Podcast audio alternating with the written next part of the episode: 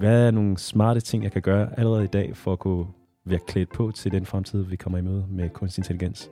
Altså uanset hvad, i sidste ende så handler alt forretning om, at du skaber værdi. Så hvis du hele tiden har det fokus i alt det, du gør, hvordan kan jeg skabe værdi på det her område, så starter du et godt sted. Så er spørgsmålet, om jeg kunne godt tænke mig at arbejde med i. Ja, yeah, altså, helt ærligt. De helt store sådan moonshots ting, de er jo blevet opfundet allerede af Google og Microsoft. Der kan godt være nogen af jer derude, der kommer til at arbejde for Google og Microsoft, men det er ikke så nemt, og det kræver en Ph.D.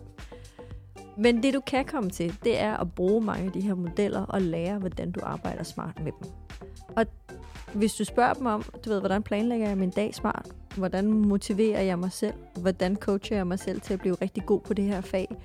Alt den slags, det er jo ikke farligt at spørge den om.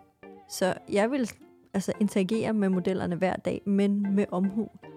Og gå ud og så lave alt det, du synes er sjovt, det du er passioneret omkring. Godt lide at lave videoer. Hey, prøv lige at se alt det, du kan lave af videoer med kunstig intelligens. Eller hvis det er billeder. Jeg tror på, at fremtidens generationer i langt højere grad vil blive skabere. Skabere af content, skabere af virksomheder, skabere af værdi på alle mulige måder. Så leg med den kunstige intelligens med omtanke, og kig på, hvor du kan skabe særlig øh, værdi med det, du er passioneret omkring. Fantastisk.